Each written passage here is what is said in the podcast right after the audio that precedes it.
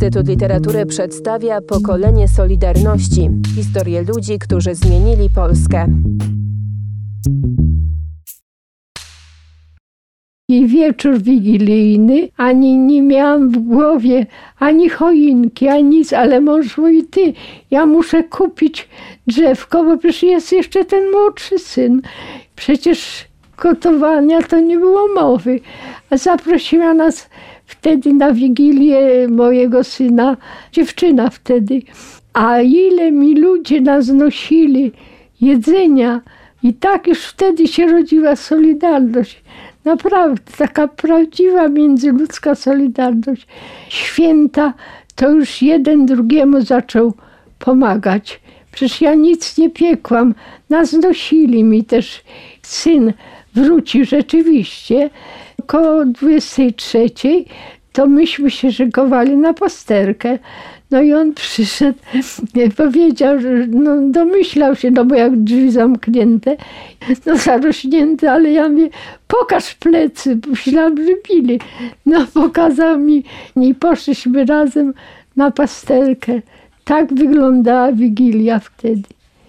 Ja byłam cały czas w tej grupie socjalnej i tak się pomagało. To się nosiło, bo myśmy nie miały samochodów, to się nosiło nie wiem który miesiąc, ale już stanu wojennego.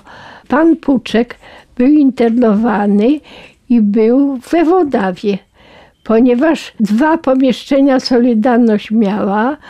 Pan Puczek miał klucze do kasety, która została w tych pomieszczeniach zaplombowanych. Dyrekcja przejmowała pieniądze. Wtedy pana Puczka przywieźli z więzienia z Włodawy i akurat pomieszczenia Solidarności były w pomieszczeniu, gdzie ja pracowałam, w tym samym korytarzu. To chyba opatrzność patrzyła. Ja idę, patrzę, Puczek idzie i w obstawie tych, tych strażników dwóch i kasjerka, główna księgowa. No i jak zobaczyłam i on o, mówię, panie Zbyszku, dzień dobry. A on mówi, no przywieźli moja, mówi, mam klucze od kasety, a tam są moje też pieniądze. Także ja mam tylko dostęp. I do mnie mówi tak, chce pani być świadkiem? Ja mówię, no oczywiście. I ja byłam świadkiem przy tym, jak otworzyli, Puczek otworzył kasetę, miał w osobnej kopercie swoje pieniądze, a te kasowe nasze pieniądze zrobiła kasjerka Renamen. Protokół, prawda, został spisany. Pomieszczenie miało te listwy takie, żeby ściany nie obijać. I nie wiem, jak to się stało, że Puczek zdążył mi szepnąć, pani Urszulo, tu za listwami są tajne dokumenty stanu wojennego. Jak się zachować w stanie wojennym? Boże. No i oni protokół podpisali, rozeszliśmy się, zaplomowali. Dyrekcja chciała pomieszczenie wykorzystać, a we mnie kipi. Jak się dostać tam? A jak będą robić może remont, może i to oderwą, nie wiadomo. Ja tak z tym chodziłam aż dwóch młodych chłopaków otworzyło pomieszczenie. No i robili tam coś. Ja sobie zaglądałam do nich. No widzę, te listwy są. I kiedyś wpadłam na pomysł, na dole był bar. Ja tak mówię, wiecie co panowie, wy to macie jakie kanapki, czy nie? No tam coś powiedział, młodzi chłopcy. A ja mówię, o tu na dole jest bar, ja wam popilnuję tych pomieszczeń, a wyjdźcie. Dobrze, że byłam w fartuchu i miałam o taką teczkę dokumentów i weszłam. No są listwy. Przejechałam, nic. Przejechałam drugą ścianę, nic. Trzecią, a tu pac, zaklejona, zaplombowana koperta. Wzięłam pod ten farduch jak, co z tym zrobić, jak ja miałam ubeka tego partyjnego w pokoju, bo szefa nie chciał się, to go zdjęli. Jezu, no wejdę do pokoju, miałam też tam taką osobę. No nie chcę się pokazywać. A myśmy, nasz dział miał na strychu archiwum, takie podręczne. Tam myśmy sobie dokumenty, każda sekcja miała dokumenty. Ja nie wiedziałam, co zrobić, nie chciałam już o te klucze. To weszłam, no i koleżanka taka doskonała, dziewczyna też nasza, nasza.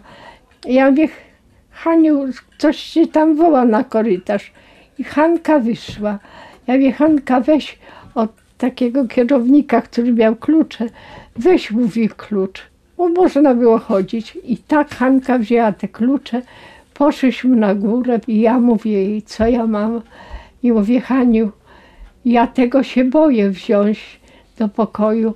Nie ma jak, więc posłuchaj, ja to otworzę, przeczytamy. Więc była cała instrukcja, jak się zachować w stanie wojennym, a oprócz tego drugi garnitur zastępczy. Ja mówię, wiesz co, nie mogę tego wziąć. Teraz bym była mądra, ale wtedy nie mogę tego wziąć.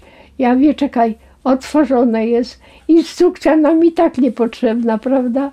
Bo to nieaktualne, ale mówię, wiesz co, ja biorę na odpowiedzialność i słuchaj, nie ma innego wyjścia. Przeczytajmy. Nazwiska znaliśmy, bo przecież to członkowie. Tam było sześć nazwisk, to troje chodziło po wolności i działali, a troje było internowanych i to nazwiska znane. Pamiętaj, ja zapamiętam i ty. I to wzięliśmy, zniszczyły. Może szkoda, to było wielkie ryzyko. Z tych, co chodzili, to był Paweł Frąg, który później został aresztowany, bo umawiał się z taksówkarzem w Lublinie o przewóz tego, a tam ubek był. Także tak, Paweł, ale chodził. Kazik Suseusz nie żyje, który później był przewodniczący w stanie wojennym. Stasia Wocior, ale Staś tak był internowany, później to, to właśnie tych trzech, którzy chodzili po wolności. W stanie wojennym od początku byłam w komisji socjalnej i tak do końca pieniądze trzeba było przekazywać, prawda? Dużo było młodych internowanych i siedzieli gdzieś tam daleko, prawda? I tam w Załężu i, i w Kielcach chyba. I były małe dzieci przecież. Jak kobieta jechała na widzenie raz w miesiącu, albo miała widzenie, albo nie. Jak we Włodawie stały na mrozie, to myśmy chodziły po tych domach, tam gdzie małe dzieci były, a rodziców mieli, mieli bo daleko byli, to myśmy chodziły i pilnowały te dzieci, żeby te żony mogły spokojnie pojechać. I czasem nie pojechały i nie dostały widzenia. Także to jest, była też nasza rola. No i oczywiście tak pomagać, bo, bo i stany psychiczne tych kobiet też były różne, także nie opuszczałyśmy. To, co wpadliśmy na pomysł, to spacery. I to się stało, ponieważ grupa emerytów, a świętej pamięci Kaźmierczak Jan, to był przewodniczący grupy emerytów. I oni się zbierali na placu, przecież czasem się spotykali.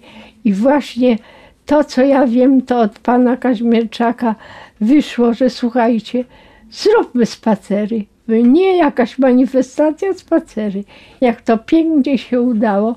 Ja pierwszego dnia nie wiedziałam o spacerach, ale mąż coś tam, bo to pantoflową pocztą. Pierwszego dnia to tak niewiele, ale później to jak ulica wtedy Sławińskiego, obecnie Niepodległości, to tak jak jakaś duża arteria w mieście, tak ludzie spacerowali. A jeszcze paradoks do tego, że trzeba było świeczkę zaświecić, a i telewizor w okno wygaszony pokazać. To taki był znak. Spacerowali ludzie po jednej i po drugiej stronie, małymi dziećmi, w wózeczkach, ale jeszcze paradoks, że to się działo tam, gdzie wtedy była siedziba policji. I tak w jedną i w drugą stronę. Pierwszy dzień to jeszcze dla nich konsternacja wielka, prawda? a myśmy sobie spokojnie, ale w międzyczasie wymieniało się też, prawda, spostrzeżenia i te, to tydzień trwało. Te suki milicyjne na bocznych ulicach stały i wyłapywali, bo też wchodzili tajniacy, prawda, którzy pokazywali. Na wysokości Mickiewicza w Świdniku byśmy szli, a do mojego męża Ubek doleciał za oszewkę i tam posypały się wiązanki. Obcy ludzie ze spacerów wyrwali go i mąż w boczną ulicę i przyleciał do domu. Obcy ludzie, taka była solidarność. Na przykład z tym panem Kazimierczakiem, który był autorem tych spacerów, to na przykład fajnie żeśmy mieli. On sobie rowerkiem jeździł do piekarni koło mojego domu, kupował mi chleb, ja mu dawałam prasę, on mi dawał składki i mieliśmy takiego warzywniak, prowadził pan, tam sobie szedł, także tak to było wszystko. To podświadomie jakoś tak pchało człowieka, że trzeba. Wolność, no, no jest ta prasa wolna, to ale, ale taki ja czuję niesmak. Muszę się przyznać, ale zawiódł mnie pan Wałęsa. Bardzo mnie zawiódł. Ja myślałam, że to człowiek taki prosty, że będzie pamiętał, a tam ciągle u niego później było ja, ja i ja. A ile tych ludzi pracowało nad tym, żeby on był ja. Pokolenie Solidarności. Cykl podcastów przygotowanych przez Instytut Literatury w Krakowie.